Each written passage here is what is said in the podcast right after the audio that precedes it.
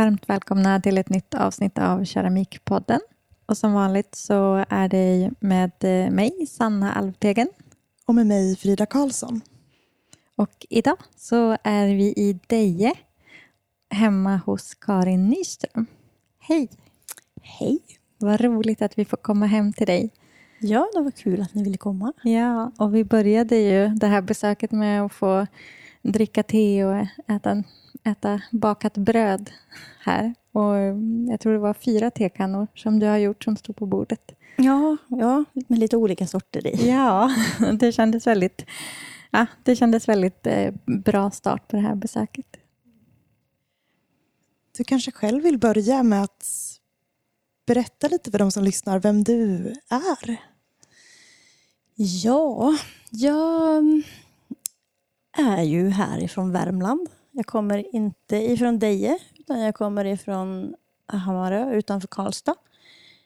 Eh, och eh, jobbar som keramiker sen oh, många år tillbaka. 30, kanske 2001 har jag för mig att jag startade företaget. Mm. Och sen så har jag utbildat mig innan, så jag har hållit på i många år med keramik. Och eh, två barn som har flyttat hemifrån. Så nu är det bara två kattungar och min man här hemma. Um, och vad gör du för eh, keramik? Jag jobbar med brukskeramik, eh, lergods. Uh, och anledningen till att jag jobbar med lergods det är väl det här att det är ganska trång verkstad och eh, stengods kräver lite mer utrymme med mycket glasyrmaterial. Nu behöver mm. jag bara ha en basglasyr och så alla oxider och sånt som jag blandar i. Det tar inte lika mycket plats. Man ska ha massa kvarts och kaolin och, ah, okay. och allt sånt där. Plus att jag under mina utbildningar då jobbade mest med eller tyckte det var mest intressant att jobba med reducerat och saltbränt och vedeldat och så. Då, ja, då kräver ju det lite andra saker och det hade jag inte tillgång till. Så det blev lergods. Det var liksom enkla, ett, ett lättare sätt att få, få lite liv i skärven utan att eh, jag behöver ha speciella ugnar. Ja, precis. Mm. Det var ett intressant sätt att, att, att, att tänka på det, att, att stengods kräver kanske mer, eller kan kräva mer? Ja, det måste det ju inte göra såklart. Eh, är man nöjd med eh, elugn och eh, ja, inte så mycket glasyrer så funkar det också. Mm. Mm. För du har ju verkstaden hemma på, ja, på källarplanet här och vi har ju fått titta in. Ni har fått titta in, ja. Jättemysig gömma du har där nere. Ni slog inte i huvudet i alla fall? Nej. Nej. Nej. Det är en del som får ducka ganska mycket när de går ner där. Vad är det för takhöjd? Vet du det? Jag tror det är 1,85. Mm. Mm. Mm. Ja, men då klarar vi oss ja. med råge. Mm. Mm. Ja, det är en del herrar som, som får huka lite. Och hur kan... länge är det som du har haft verkstaden här hemma? Eh, vi flyttade hit, eh, nu ska vi se, 98 var det. Eh, och då började jag ju där nere. Då satt jag... jag hade, drejskivan hade jag, för jag hade haft, gjort i ordning en sån här verkstad i Karlstad tidigare. Kollektivverkstaden där. Mm. Eh, så jag hade köpt lite saker, så jag hade drejskivan och så. Eh, så då köpte jag ugn och så satt jag där. Eh, men det ena rummet som ni kom, första ni kom in i, där var det en oljetank som fyllde halva rummet ungefär. Mm. Och i det andra var det en stor ackumulatortank, något hembygge. Det såg fruktansvärt ut. så det var extremt primitivt från början. Och sen så, sen så tror jag jag fick ett sånt där gick en sån starta, egen, starta eget-kurs. Mm. Um, och då, det tror jag var ett halvår som man fick, ja, jag hade väl inte så mycket ersättning för jag hade väl inte jobbat så mycket men, men någon, ja, något, i alla fall som KAS åtminstone. Mm. Det kanske inte fin, finns sånt nu för tiden, jag vet inte. Jag känner inte Nej, men det var det minsta man kunde få ungefär. Ehm, och eh, då hade jag tid att riva där och putsa upp väggar och göra ordning lite grann så det gick att vara där och få ut den där ackumulatortanken. Och, och sen efter några år så skaffade vi bergvärme och då åkte den här oljetanken också ut så då fick jag lite mer plats. Men drömmen är fortfarande att komma upp ovanför, Ja. upp, upp till ljuset. Ja, Det, det skulle vara kanske. skönt. Mm. Men det var fönster. Fast Ja, det var Ja, fönster. mm. Men nu har vi satt in en dörr där så nu kommer det bli en trappa över det där mitt utsiktsfönster. Där som älvutsikten där försvinner. Mhm, mm. Ja. Mm. Ja, men eh, det- vi tyckte i alla fall att det var väldigt Ja, mysigt. Och det är, en- det är ändå två rum. Du har ugnen i ett rum och sen Mm. hade du två drejskivor i det andra rummet. Mm. Mm, och arbetsbänk. Mm. Du har det du behöver. Ja, jag har det jag behöver.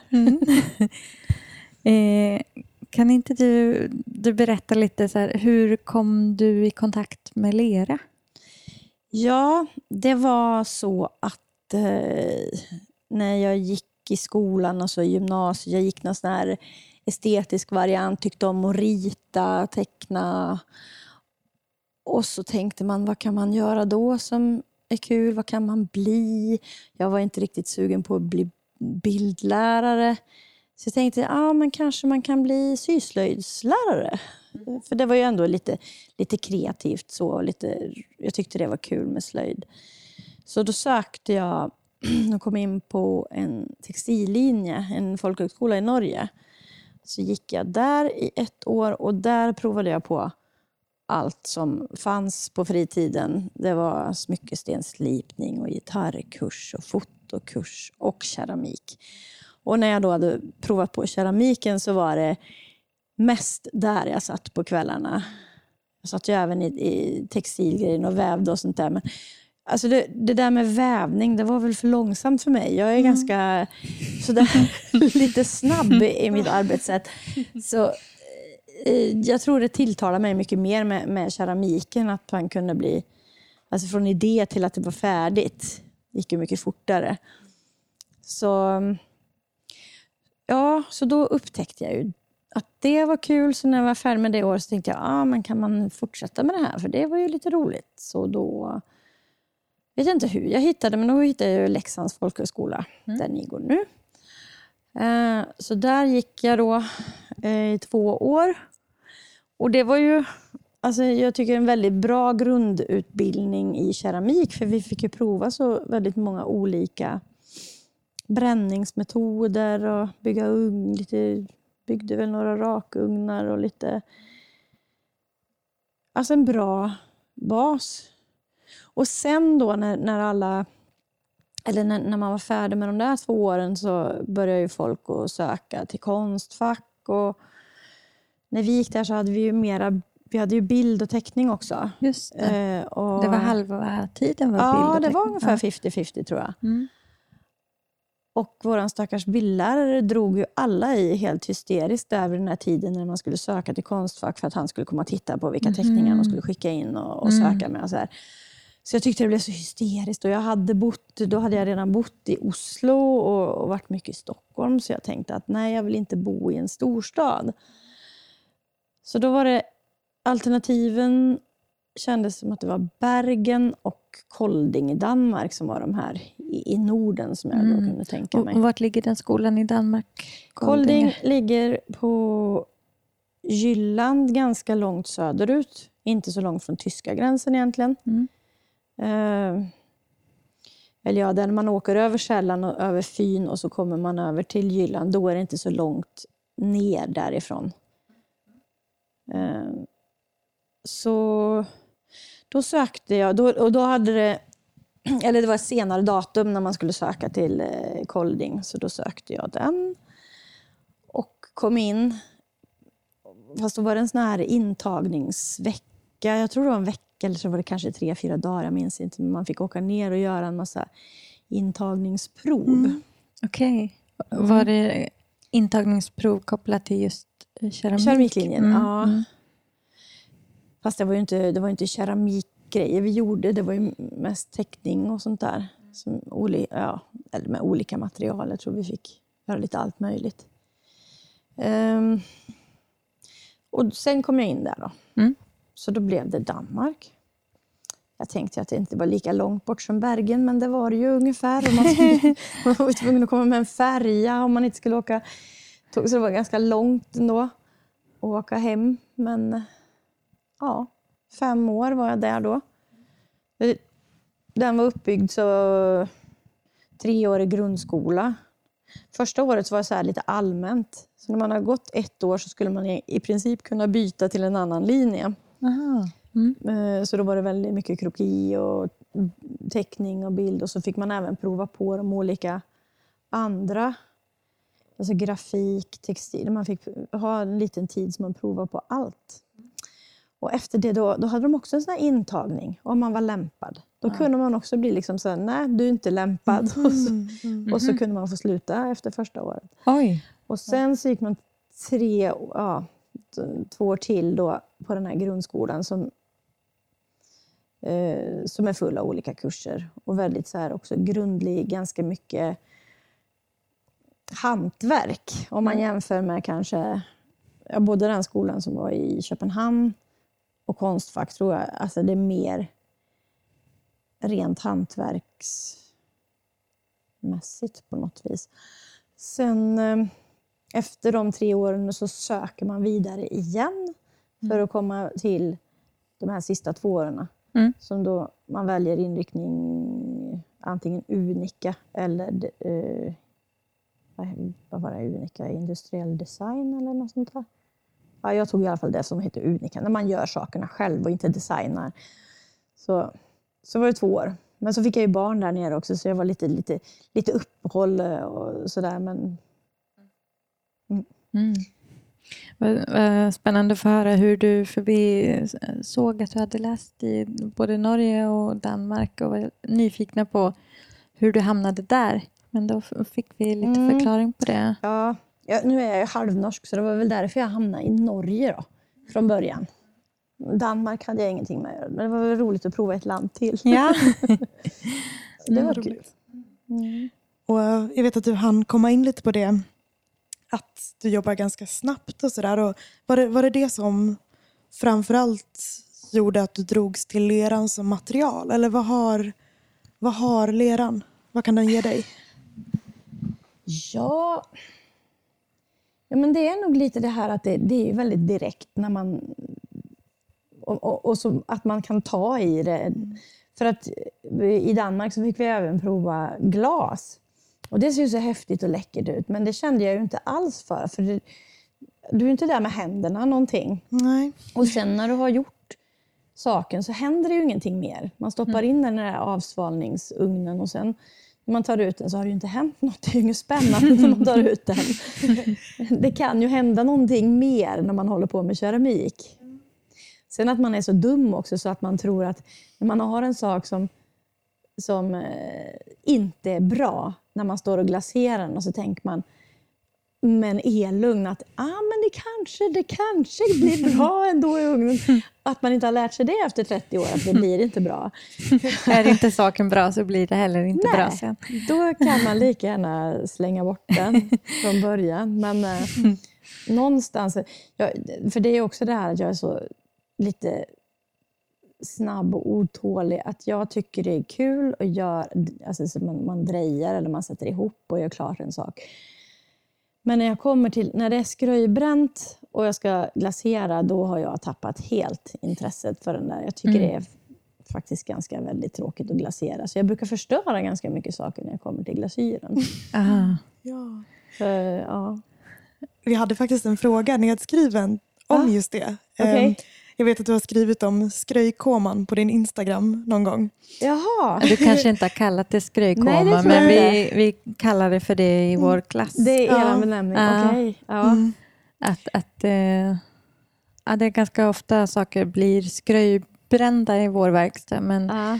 Och inte kommer längre än dit. nej, nej, till Nej. slut blir de väl gla- glaserade men, men tröskeln är ganska hög Mm. för att Man har ingen, ingen tid att liksom, man behöver inte passa grejerna, man behöver inte tänka att man måste göra något innan de torkar Nej. ifrån en och man kanske också är ja, men, räddats, som du säger, kanske förstöra något med en ful glasyr som rinner eller täcker över det man tyckte var fint. Och, Mm. mm. Alltså man kan ju sakna en sån här saltugn eller en anagrammaugn och sån där och få stoppa in sakerna så de får se ut som de ser ut. Mm. Mm. Inte sminka över dem. Mm, precis. Mm. Och vi känner ju dig för att du kom till Leksand och var vår gästlärare. I, ja, lärde oss att, att göra tekannor. Mm. Och, eh, så du har väl blivit lite tekanne-Karin för oss egentligen.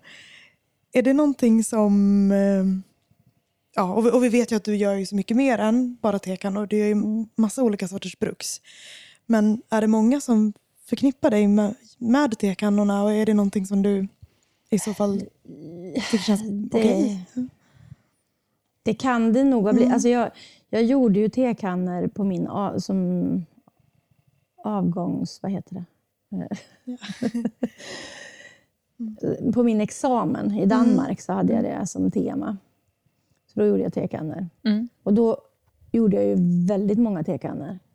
Alltså, jag vet att jag stod, jag hade ju eh, minst hundra tekannor och, och så skulle man välja ut. Och, Ehm, så det har blivit mycket tekannor på grund av det, tror jag.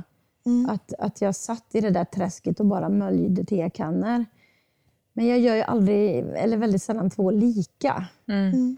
Och det är väl det som gör att jag fortfarande tycker det är kul att göra, för att jag inte gör serieproduktion på det. För att jag har, så, så att jag har det lite som en sån här, åh, men nu kan jag få göra någonting lite roligt, nu kan jag få göra lite, några tekannor. Det är lite som att ta lite semester ifrån Mm. produktionen annars. För att jag, det är så pass mycket pill med, så jag gör inte så många. Och då liksom ser jag till att jag inte gör för många heller, så att jag kan sitta och myspysa lite med dem där. Mm. Eh, men det kan ju också hända att det blir att man ska ha till någonting och måste göra många på en gång. Och då, då är det inte så roligt längre. Men ehm, ja, för sen har jag haft mer kurser där uppe i Leksand också, så det har blivit tekannor som har varit... Eh, men ja. det är väldigt många andra som gör tekannor också, så det är inte... Men de har verkligen ett speciellt uttryck. Och då, just att de alla är som små unika individer, olika storlekar och kombinationer. Och de har ju också en, en mjukhet i sig. Jag tycker verkligen att, att leran fortfarande ser mjuk ut i det du gör. Det är liksom inga döda föremål på något sätt. Mm. Det låter ju bra. Ja. Jag kommer att tänka på nu när du var hos oss, då har jag för mig att du berättade om en utställning med tekannor som du hade, eh, där du kunde se vilken tekanna som var vilken person. Att de var... Ja, det var den jag hade på Caroline i Stockholm. Då, då, då valde jag att döpa dem till namn. För det var lite gubbar och gummor och så de, några som stod och pratade med varandra, och några skvallerkärringar. Och så fick de lite namn efter lite original här i Deje. och eh, andra original genom, genom livet som man lärt känna. Och så, ja, så, och det var lite roligt för att då, då var liksom folk ja men, ja, men jag har köpt Herbert. Ja. Så, och då visste jag vilken kammare de hade fått. Hade du de här personerna i åtanke när du gjorde Nej. tekannorna? Det, det kom sen? Eller? Nej, Mm. ja, det kom sen. För att det, det var så tråkigt det där eh, när man skulle ha utställningar. Så tekanna, tekanna, tekanna, nummer 14, tekanna.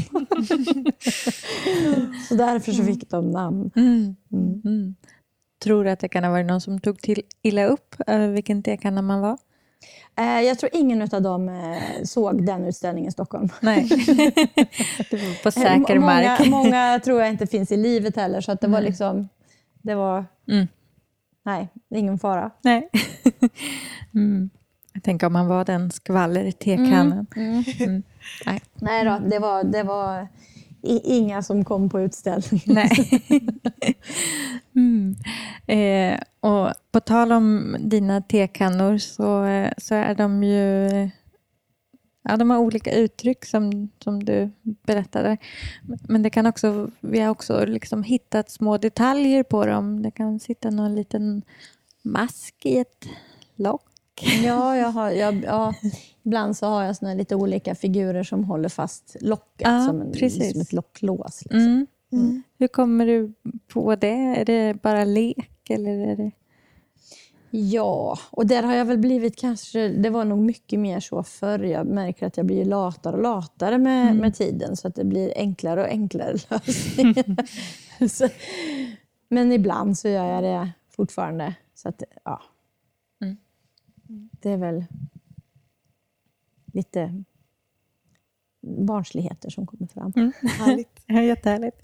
Vet du hur, hur formerna kommer till dig? Har du en tydlig bild av vad det ska bli för tekanna när du sätter dig ner för att dreja? Eller, eller vart, varifrån kommer alla uttrycken? Och, Ehm, och när, alltså- när får de sina uttryck? Jag tycker... eh, Det är ju faktiskt det som är lite roligt med tekannor, just att, att ofta kan man göra en roligare tekanna utav en ganska, jag ska inte säga ful form, men, men alltså en, en, om man drejar kroppen och den är helt så här perfekt, ja men då händer det inte så jättemycket spännande sen. Alltså jag, jag jobbar ju ofta med sån, jag gillar när det blir något fel på, på när jag drejar den. Det kan ju vara att jag gör det ganska tunt, att det drar sig lite skevt. Om, om till exempel hålet eh, där locket ska vara, det hamnar lite snett på kannan. Mm. Alltså den börjar svaja och dra iväg. Då brukar jag spara den. Och så utnyttjar jag den när jag sätter ihop den. Mm. Så att den liksom får en riktning och liksom, ja, lite, lite fart på sig. Så sätter jag pipen på den sidan som... Alltså så det blir lite skjuts i, i riktningen. Mhm. Mm. Eh, så att man utnyttjar det. Jag, jag har gjort utav såna där som har sjunkit ihop på, på drejskivan också. Och så byggt på med ben och, och, eller fötter. Och, så jag tycker det är ganska kul att, att göra olika grundformer och prova bara eh, något som man inte har tänkt sig och sen se hur man kan få ihop det. För det är ju det här ihopsättandet som jag tycker är det roliga. Mm. Eh, och ibland så blir det ju inte alls bra. Och ibland så är det något som går sönder och så blir man jätteglad. Så bara, Åh, vad skönt, en mindre att göra klar. så, ehm, men det är ju för att jag jobbar så där med att alla ska vara olika. Annars hade jag ju bestämt mig för en form. Och ibland så har ju det, det blir, kan ju bli så att man får en beställning, någon har sett en kanna på Instagram eller något och den bilden från det och det datumet, en sån vill jag ha. Och det är ju det är ju faktiskt inte alls särskilt roligt för det blir ju aldrig likadant eftersom jag inte gör likadana. Och de gångerna då som man får beställningar, då gör jag fler lika. Då kanske jag gör, ska de ha en tekanna så gör jag kanske fyra som är någorlunda lika så får de den bästa. Mm. Eh, så då blir det ju ett annat sätt att jobba på. Liksom. Just det. Men jag ändå, även om jag gör det så har jag inte jobbat fram... Skulle jag gjort eh, tekannor på, som serieproduktion, då hade man ju bestämt sig för en storlek på lock och allting sånt där som man bara kunde köra på. Men du drejar ganska ofta, eller det minns jag att du pratade om när vi hade dig, att du ofta gör ett gäng lock och ett gäng pipar kanske till en, en kropp och liksom försöker hitta den som... Ja, jag gör, ja, ja. men det gör jag ofta. Mm. Alltså, vissa former vet jag vilket lock jag vill ha. Då kan det räcka att göra ett lock. Men jag gör alltid fler pipar. Mm. För det är sådär att eh, jaha, så kanske man trodde att den var bäst till den kannan, men då var den bättre till en annan och då försvann den. Så då behöver jag i alla fall ha två ungefär av den sorten. Och så, så jag gör olika varianter på pipar och ser, ska det ha en sån här med lite hängpung eller ska det ha en sån här... eh, Ja, alltså det gör, ja, det gör jag olika. För det är ju liksom det jag sitter och testar med och provar med vad som ser roligast ut eller blir bäst. Mm. Det är kul att se vilken som ser roligast ut. Det- Ja, nej, men vilket som blir eh, vilket som passar bäst. Då. Och sen så gör jag ju väldigt mycket med det. Är ju, det är egentligen piparna som tar så lång tid för att jag Alltså när jag hade er där så kunde jag inte visa hur, hur länge jag sitter och grejer med utan jag bygger om dem och, och ändrar dem och sådär. Mm. Lägger på lera på dem och formar dem lite och, så att det ska bli som jag vill ha det. Mm. Mm. Mm. Och hur gör du sen när du dekorerar dina kannor?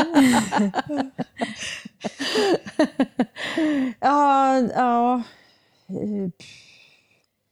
Det är ju olika vad jag har på. Nu har jag... Alltså ibland, det är ju, ibland har jag ju de här med, med oxider under och så tennglasyr över och då kan man ju göra lite olika. Då, det har ju gått i olika perioder. Ett tag körde jag kanske mycket med såna här latex eller vax. Eh, Men det luktar så fruktansvärt när man bränner det. Vaxen, latexen funkar ju, den drar man ju av. Ehm, Men, ehm, och så, men nu har jag gjort en del med att jag har först en glasyr och så ristar jag den. Och sen har jag en transparent glasyr över. Mm.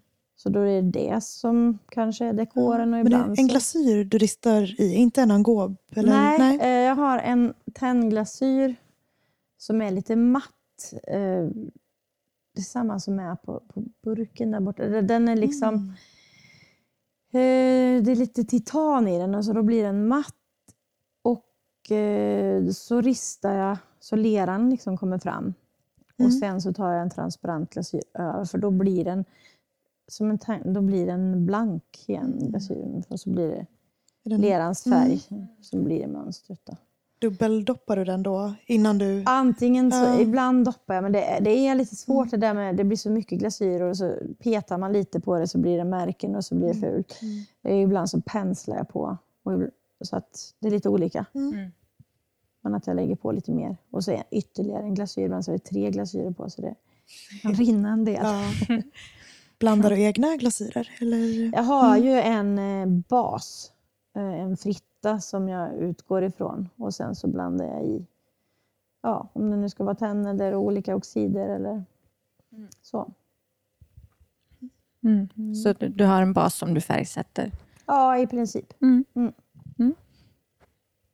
Och eh, har du, eh, händer det att du håller i andra kurser? Eller eh, är du runt på... Händer det ofta att du åker runt i skolor och sådär? eller? Nej, Nej. det är unikt för Leksand. Är det? Är vi glada för. Ja. Ja. Nej, jag har inte haft det där jag har varit. Och sen Tidigare så hade jag såna här keramikkurser på, när jag flyttade hem från Danmark på Medborgarskolan. Mm. Och eh, kvällskurs i kroki och sånt där. Mhm. Mm. Det Men- var länge, det var väldigt länge sedan jag gjorde någonting med kroki. In- Men nu har du inte några sommarkurser heller eller så? Nej. Nej, inte, jag tror inte det blir någon i sommar. För jag har inte hört något än och då borde det ha varit. Men vi får se, det kanske Mm. kommer. Mm. Tycker du att det är, är det nervigt när du väl ska ha en kurs? Eller Ja, kan, det, kan det ge dig det någonting? tar väldigt mycket, alltså det ger jättemycket och Mm. har det jätte, jätteroligt när man, när man först är där och gör det. Men det är väldigt mycket, alltså jag blir ju så nervös innan. Eller det tar ganska mycket energi Mm. och mycket av ens tid att tänka ut vad man ska göra, hur man ska göra. Och, så jag tänker att eh, det kan vara skönt att veta att det är tomt i kalendern ibland också. Så man kan Ja. eh, producera i lugn och ro också. Det blir väldigt socialt intensivt sådana såna dagar, tänker jag. Ja, det har jag inga problem med. Nej, okej. nej, Ja. nej. Mm. Det är just det där att man är nervös för hur det ska gå, vad, är, vad man ska få för elever och... Ja. så. Ja. Jag kommer ihåg, eh, eller vi kommer båda ihåg tror jag, när du drejade, att du drejade väldigt fort just. ja. Och så tror jag du sa så här, alla säger att jag drejar fort men det struntar jag i. det var så härligt. Ja. Ja, jag, jag vet ju Mats då, min, han, han var ju på mig redan i läxan där med att jag skulle sänka farten. Men det har jag visst inte gjort. Nej. Men jag tyckte det var, det var så fint, eller att du, du avdramatiserade verkligen tekannor för oss. Det kan, när, man ser, när man ser dem färdiga så ser det så avancerat och svårt ut och något man inte riktigt vågar ta itu med. Men du gjorde det verkligen begripligt och du gjorde det... Ja, men du, du bröt ner det och gjorde det roligt. Och det, det är inte så noga och slängde det här locket och det kan man använda till det här. Och Bort med den. Och, ja, det har du gjort några tekannor efteråt nu? Ja. Nej, jag har inte det. ja.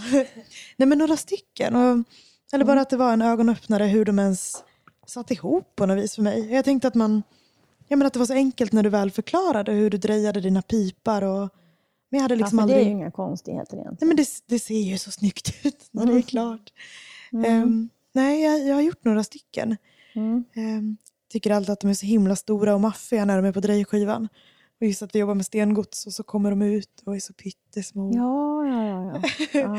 så jag ska försöka göra någon, någon som det inte är en singeltekanna. Det är svårt med jag tror det är en av anledningarna till att jag gör väldigt mycket små tekannor. Mm. Att det är mycket lättare att, att få ett eh, charmigt uttryck på något vis mm. mellan delar. Alltså proportionerna mellan delarna. Så fort, och så, det är jättejobbigt också, då kommer det kanske någon kund och så, ja men jag vill ha den där. Men så vill de ha så att det ska få plats eh, tio koppar i, eller den ska vara stor. Och det blir ju aldrig så. Det blir inte, det, det, det, du får ju inte alls samma alltså, mm. uttryck. Och det blir Nej. ju oftast mycket fulare. Alltså, eller det, det, är väldigt mycket svårare att göra en snygg tekanna som är stor, tycker jag. Mm. mm. Faktiskt. Ja. Och det kan vara samma sak när man gör muggar. Om man säger att man har gjort en mugg och så ja, men jag ska ha storlek större te. Ja, men då, proportionerna på hur handtaget hamnar på koppen kanske inte alls blir lika bra. Så det passar mm. bättre till en, till en storlek. Mm.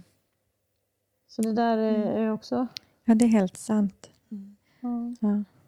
Mm. Sen var det också eh, att det var väldigt roligt att se hur du eh, tog in andra tekniker. Jag tänker som när du kastar leran. Mm. Då, någon gång så du var liksom så här, ner den på golvet. Och det... ja, nej, om ja. jag ska göra... Då byggde jag kanske tekanna ja. utav, utav eh, mm. Istället för att kavla så mm. kastade jag. Och sen även handtag som du liksom Mm. Kastade ut istället för att kavla? Också. Det gör jag alltid ja. på alla mina saker. Uh, förr så drog jag. Men det, har, det är sån här, för att jag fick problem med axlar och, och så. Att det gör, det gör ont att stå länge och dra. Mm. Så då slutade jag med det och så började jag kasta ut istället. Lite, lite mer skonsamt för mm. kroppen.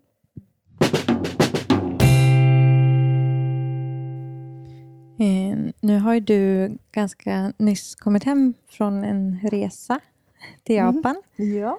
Med Kaolin-gänget. ja. Ni var ett gäng från Kaolin, eller hur? Ja, vi mm. var 15 stycken. 12 eh, keramiker och tre anställda. Mm. mm. Mm. Och nu när vi pratade i november så, så var det bara ett par dagar sedan du kom hem därifrån. Mm. Precis. Kan inte du berätta lite, vad, ni, vad gjorde ni där? Eh, vi var inbjudna ifrån eh, Sassama International eh, Ceramic and Art Festival. En festival som hålls vartannat år, tror jag. Förra gången var 2017, så nu, ja. Um, och då är det inbjudna keramiker från hela världen. Mm. Och några då som är sådana som eh, demonstrerar och håller föreläsningar eller bildvisning och så. Eh, det slapp vi. Eh, det var meningen att vi skulle det, men det blev så komplicerat när vi var så många. Hur skulle vi göra det? Bara prata om vårt kooperativ. Det kändes konstigt, så vi lyckades, ja, vi lyckades undanstyra det till slut. För det var lite problem med tekniska problem med datorer och sånt där tror jag också. Så vi hade en, en utställning i en gammal eh, nedlagd skola. Eh, en ganska shabby skola, men vi fick låna några väldigt fina telådor som eh, mm. vi ställde ut på, så det hjälpte upp det hela. Eh, så vi hade tre rum, två rum med keramik och ett rum med bildvisning och mm. lite broschyrer och material och sådär. Mm. Och där var vi i tror fem dagar. Vi kom till Tokyo först eh, och var där ett par dagar och så åkte vi till det här stället uppe i bergen. Och det var fantastiskt vackert där.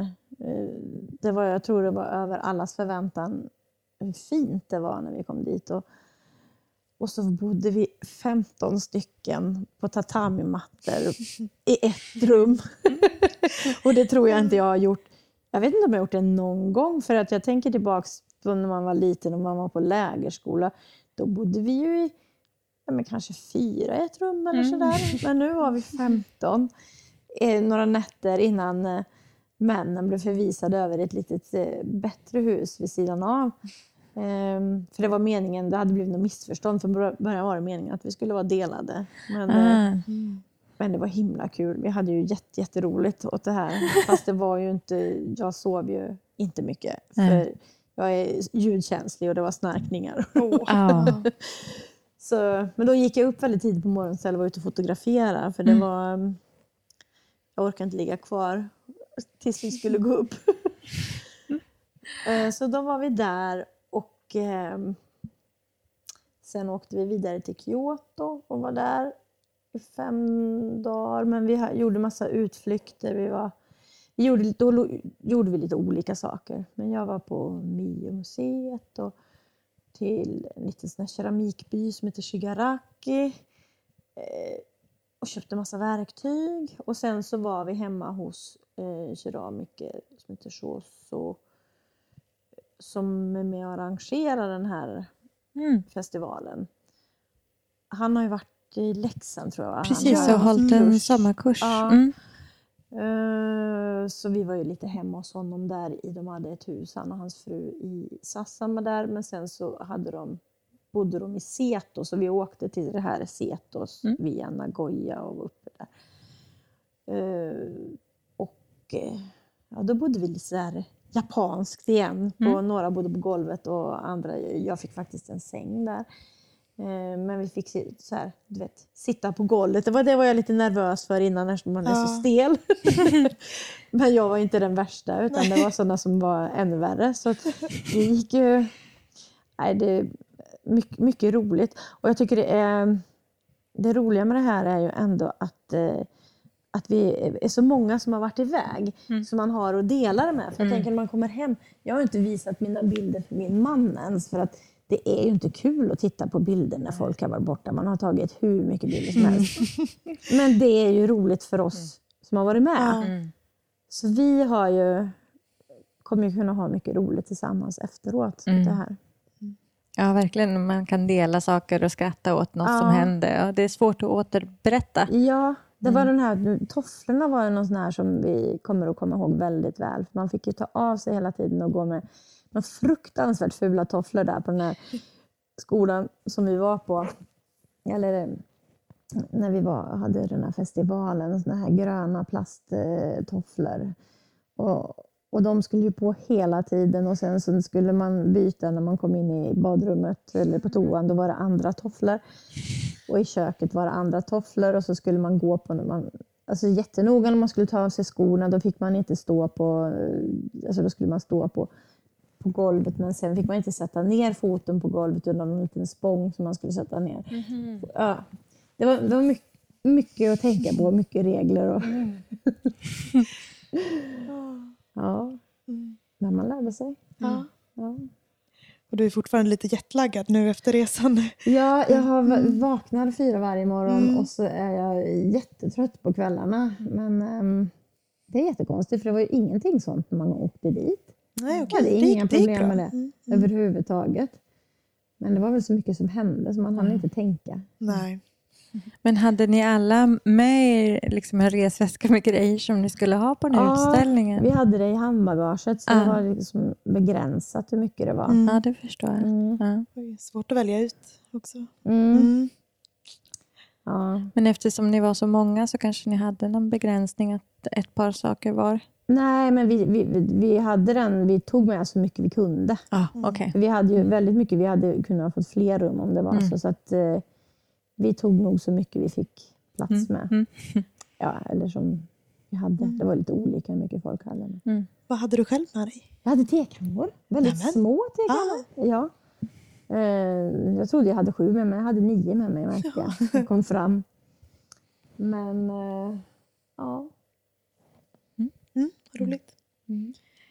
Ehm, jag vet att eh, vi läste att eh, någonstans där du hade skrivit att dina saker först blir klara när de väl används. Mm. Tänk om du ville utveckla lite om det? Nej, men det är nog det här att jag tycker att det är roligast att göra saker som alltså bruksgrejer. Det är ju Mm. när det ligger mat på. När jag tycker väldigt mycket om mat. Så att Mm. keramik och mat hänger ju ihop lite grann så tycker jag. Det tycker vi att vi märker generellt. det återkommer. Ja, eh, nej så att... Eh, nej, men det är nog det här att... Eh, ja, men man blir glad när man ser folk få saker. Man ser att det används. Mm. Det är inget kul när folk köper... Det, det är ju en del som köper tekannor och så står den som prydnad. Ja. Det är bara körord och ju mer man använder desto större chans är det att det går sönder som köper något nytt. ja. Smart. Ja, Ja. Du värde, värdesätter funktionen då? ja Mm. men det gör jag nog. Mm. Mm. Eh, tycker att...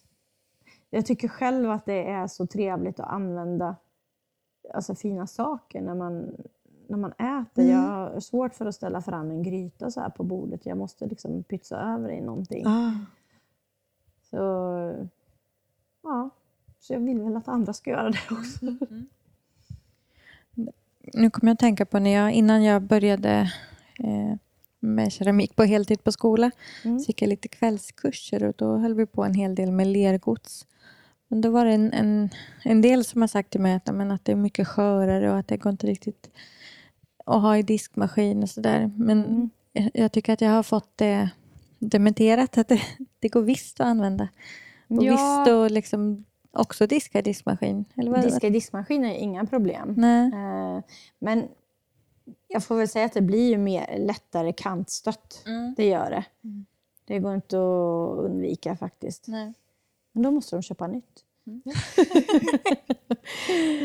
det finns ju såna här saker man har, inte som jag har gjort själv, men, men som jag har köpt av andra eller bytt till mig. Som, ja, men som den du sitter med där nu. En Karin Bengtsson-mugg och så har det gått något hack. Men vi har ju samma glasyr och samma lera så då har jag ju liksom kunnat pytsa på så lite glasyr och bränt om. Så man liksom lagar. För det, det gör inte så mycket om det är en liten, ett märke så, men när, det är, när leran är framme och det är ett hack så stör det mig mycket mer än att det, när det är lagat. Så, mm.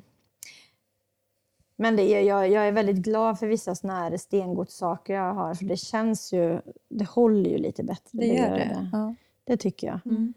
Kan du tycka att det någon gång kan läcka från en tekanna till exempel? Alltså om den skulle stå väldigt länge med vatten och det är lergods? Nej, inte, nej. Jag, jag har ju... Det kan det väl göra om, om den är helt oglass, men jag har ju alltid glasyr under också. Du har alltid glasyr jag under? har alltid glasyr under på sånt som man kan tänka sig att man har vatten eller någon Mm. vätska stående i, som Mm. baser. Och, Mm. Sen har jag det inte på alla muggar, men det, den tycker jag inte de ska ha som bas. Nej. Den håller tätt när man Ja, ska den, dricka. precis. Eh, mm, men många är glaserade under där också. då, Men, Mm. För du glaserar inte alltid insidan på tekannor och sådär? Eller jag, jag för mig Nej, att det, det gör jag inte. Eh, och det, det, har, det har lite att göra med hur det ska se ut, glasyren.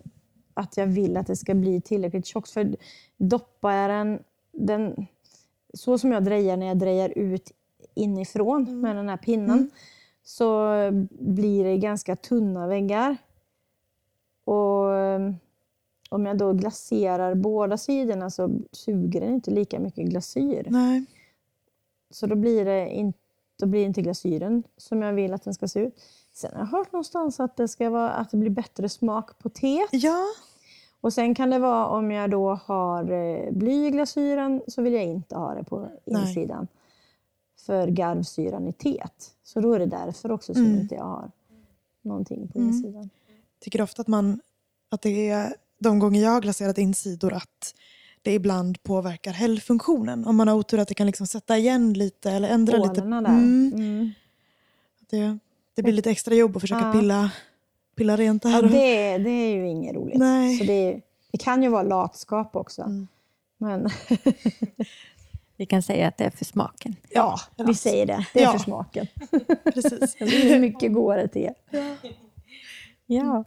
Eh, vad har du för dig? Nu har du ju nyss kommit hem från en resa, men annars vad har du för dig nu? Är det något på gång som händer? Ja, det är ju snart jul. Och jag, nu har ju hela julinlämningen har ju gått om intet här med den här eh, resan. Mm. Så jag har, kom, eller jag har lite saker där som stod där nere som jag kan lämna upp till lite affärer innan det ska julskyltas. Men jag får helt enkelt göra saker till jul som dimper in lite senare, som inte kommer med i själva skyltningen utan det får, det får komma i hyllorna istället. Så att jag kommer att, att, att göra lite, så mycket jag hinner utav muggar och Alltså brukar det konstigt nog alltid vara så där att man vill hitta på en ny grej varje gång det är jul.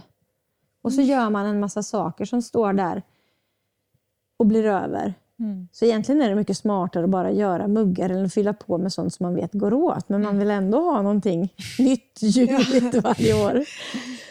Eh, gärna något med, som man kan ha ljus i. Eller, så vi får väl se om det blir något sånt eller om jag bara kör på med vanlig produktion. Och eh, lite apropå det här, om man nu kanske vill köpa en julklapp som du har gjort, var, var kan man se eller var kan man köpa dina grejer? Då är jag ju där jag har mest saker, det är ju där jag är medlem då, i kooperativ. Jag är medlem i Kaolin, då, vi som åkte tillsammans till Japan. Mm. Och det ligger på Hornsgatan i Stockholm, på Puckel mot Mariatorget. Eh, sen är jag med i Arvika konsthantverk, och det ligger i Arvika, på Köpgata. Ehm, där är väl det jag har mest. Och sen så har jag ju här i Dejes, där jag bor, eh, upp, eh, en liten butik uppe i centrum. Eh, som aldrig nästan är öppen, utan man får ringa. Jag har väl öppet på skyltsöndagen, tänker jag. Och sen så... Det finns ju ganska mycket saker om man är på Gotland, på Getlems krukmakeri och lite på Rosendals trädgård och Rackstadmuseet och lite museer och sådär. Ja, Mm. Salströmsgården uppe i Värmland också. okej. Så. Ja. Ska vi fortsätta med lite korta frågor? Okej. Mm. Finns det något verktyg som du inte kan vara utan? Ja, det finns fler. Ja. Men det är drejpinnen, den eh, som jag drejar ut inifrån. Mm. När du rundar till din cylinder, liksom, eller? Ja, men jag gör en cylinder och Mm. sen ska den bli rund eller töjer ut liksom Mm. från insidan. Mm. Och så är det den här kniven som, som jag har gjort av ett eh, bågfilsblad Mm. och slipar till på båda sidorna. Det är, den är suverän. Den kan jag inte heller vara utan. Mm. Och är väldigt lätt att göra själv. Mm. Så har ni ingen sån, så gör en sån. Jag Mm. har faktiskt ingen sån. Därför att då, då kan man sån, ju liksom slipa till dem på båda sidor och göra den väldigt tunn så det är Ja. lätt att skära Ja. ut liksom åt alla möjliga håll. Mm. Mm. ja, det ska jag göra. Mm.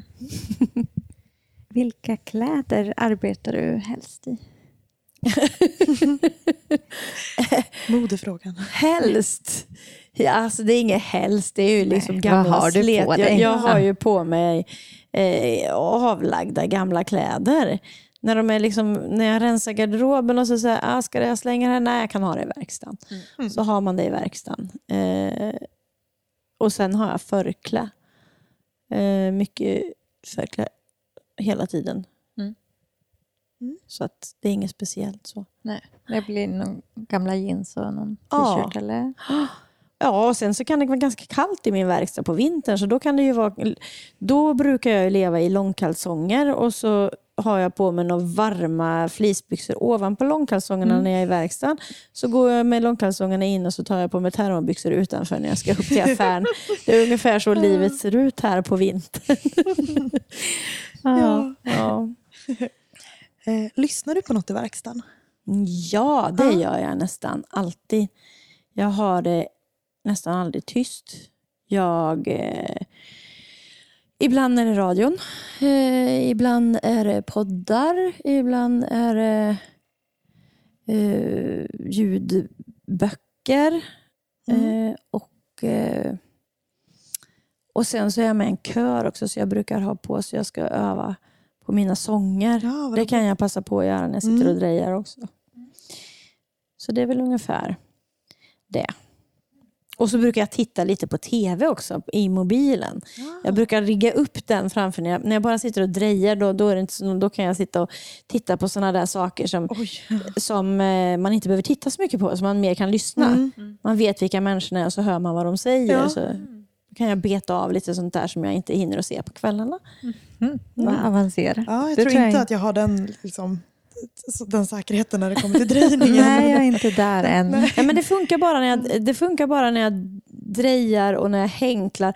För det har jag märkt att man kommer till vissa saker som man gör som det inte funkar att lyssna på ljudböcker och lyssna på så man tappar fokus.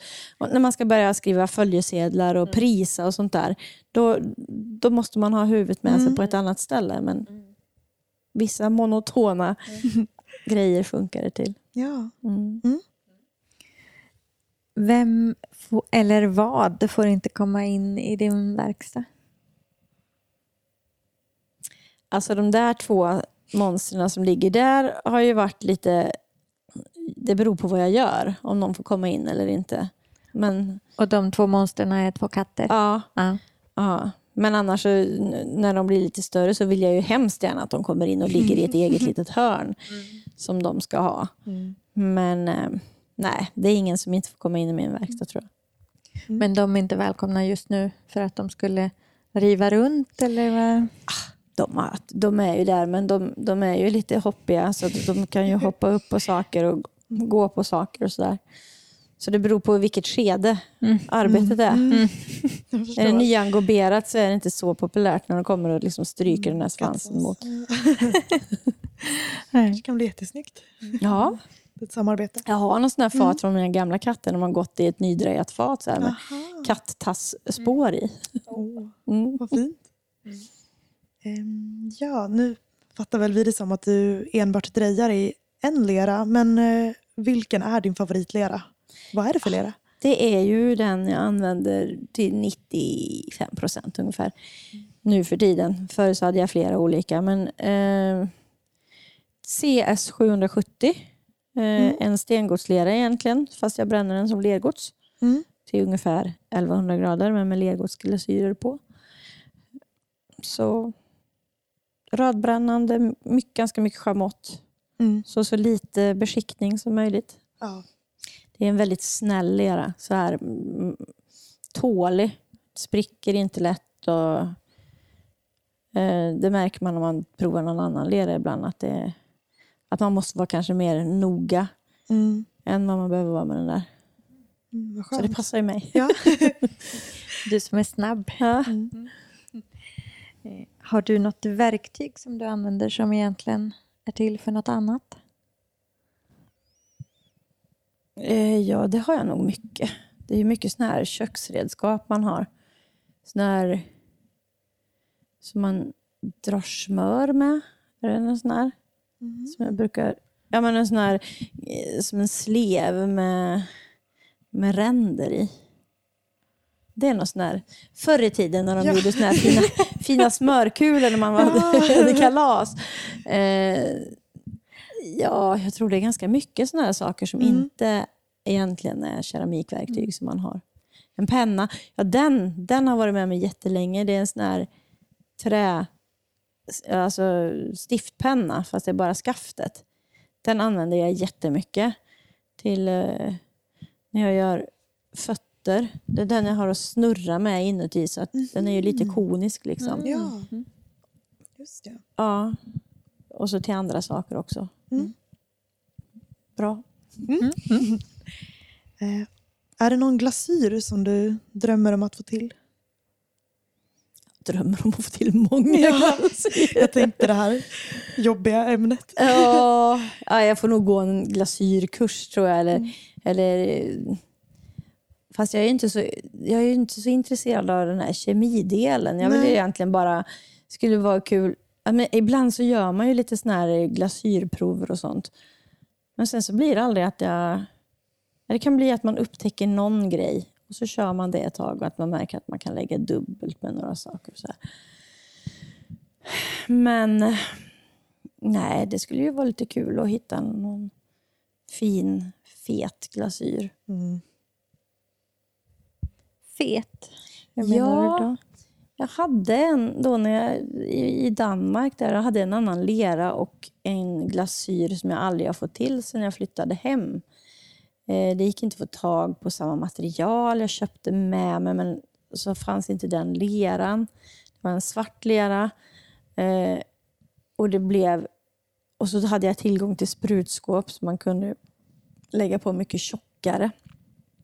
Och då blev den ja, men riktigt så där fet och tjock fast den ändå drog bort vid kanterna. Mm, vad fint. Det var fint. Mm. Så, så den skulle jag vilja hitta tillbaka till. Mm. Mm. Den här gröna glasyren som du har flera av dina saker i. Är det angob eller är det, är det glasyr som du Tänker har du den som stod där nere i källaren nu? Ja. Det är, eh, där är det glasyren som, är grön, som det är koppar i. Det är kopparoxid som dig. Ja, Mm. jag tror det är 7 procent och så är det pyttelite järn tror jag. Så det blir lite varmare. Men mm. ja. Men annars så har jag ju med angober också, men då är den inte riktigt så knallgrön. Nej. Är det något fält eh, inom keramik som du skulle vilja lära dig mer om? Ja, det är nog mycket det. Egentligen. Men, men samtidigt så känner man att, som nu när vi var i Japan och såg massa folk som visar saker. Och det kan ju vara häftiga saker, men man märker ju också att ja, men det där är ju inte jag. Att jag hade inte velat gjort det ändå, även om det är häftigt att se på. Så... Nej, jag hade nog bara velat jobba mer med lite kanske vedeldat och den biten. Eh, tror jag. Och så kanske lite glasyr då. mm. Ja. Mm. Har du någon gång varit med om något sånt här riktigt eh, misslyckande i verkstaden eller inför någon utställning? När det har gått riktigt åt skogen? Oj. Mm, mm, mm. Jag har ju kört någon ugn. Den råkar komma upp till stengodstemperatur. Eh, Så det blev förstört. Men eh, det var inte i något sånt där kritiskt läge. Det var väldigt tidigt när jag hade fått min ugn. Eh, Så det var, liksom, det var ingen utställning på gång eller så, utan det var mer under provfasen. Så det var ingen katastrof. Men kommer inte på något just. Det går, det går som på räls hela tiden. Wow. Nej, det gör det inte. Jag tycker mer det här är det, det här liksom vanliga, att man tror att man ska hinna saker. Alltså man, man tänker att ja, men jag har så många veckor på mig. Och sen så räcker det med att det kommer någon liten... Att man ska till tandläkaren på onsdagen eller någonting sånt där som ha, hackar upp hela veckan. Och så hinner man inte, nej men då skiter jag det, då gör jag det då istället. Och så försvinner en hel vecka nästan. Så kan det ju vara när man ska till Stockholm och jobba och sådär, att det, det går bort väldigt mycket. Och så hinner man inte alls göra det man har tänkt sig. Det är rätt vanligt. Vad bra, då behöver vi inte bli provocerade över att det går som på räls jämt. Nej, nej det, det behöver ni inte vara oroliga för. Vad eller vem inspirerar dig i ditt ja, arbete? Det var svåra frågor. Alltså jag kan nog bli så här... Eh, att, att det är själva materialet. Nu ska jag ha en utställning till exempel i februari och jag har ingen aning om vad jag ska göra. Så jag hoppas väl att det dimper ner något. Mm. Eh, men jag kan tycka att eh, det kan nog hjälpa nu att jag har köpt en hel del nya verktyg i Japan. Alltså, vad man har för material tycker jag ofta får igång en på saker. Om man ska prova någon ny sak och så, ja men det här kanske man kan göra. Så, så nu ska jag utforska lite vad, vad som händer med dem, så får vi se. Men jag kan inte säga att det är någon sån här... Eh, jag har mycket såna naturgrejer på mina saker men, och jag älskar att vara i naturen Mm. men jag kan inte säga liksom att åh, jag blir inspirerad av blåbärsriset här. Så funkar det inte riktigt. Så jag... Jag vet inte. Ja. Och så slutligen, vem tycker du att vi borde prata med i Keramikpodden? Ja, jag får ta någon av mina kollegor. Har- jag tycker ju... På Caroline till exempel tycker jag Karin Bengtsson gör jättefina saker. Mm. Det spelar ingen roll vad hon gör så blir det fint. Kina Björklund har ni väl uppe i, i Ja. Leksand? Nära till hands. Har ni pratat med henne? Vi har träffat henne men inte för podden än. Men Nej. eh, vi är lite sugna på det faktiskt. Det Mm. Mm. kan ju vara ett tips. Ja. Ja men, jättebra, tack så jättemycket. Mm, tack så mycket. Och, ja, stort tack för att vi fick komma hem till dig. Och tack för jättegott bröd också. Tack så jättemycket för att ni ville komma. Jättekul. mm. Tusen tack. Och tack till dig som har lyssnat. Hej då! Hej då! Hej då.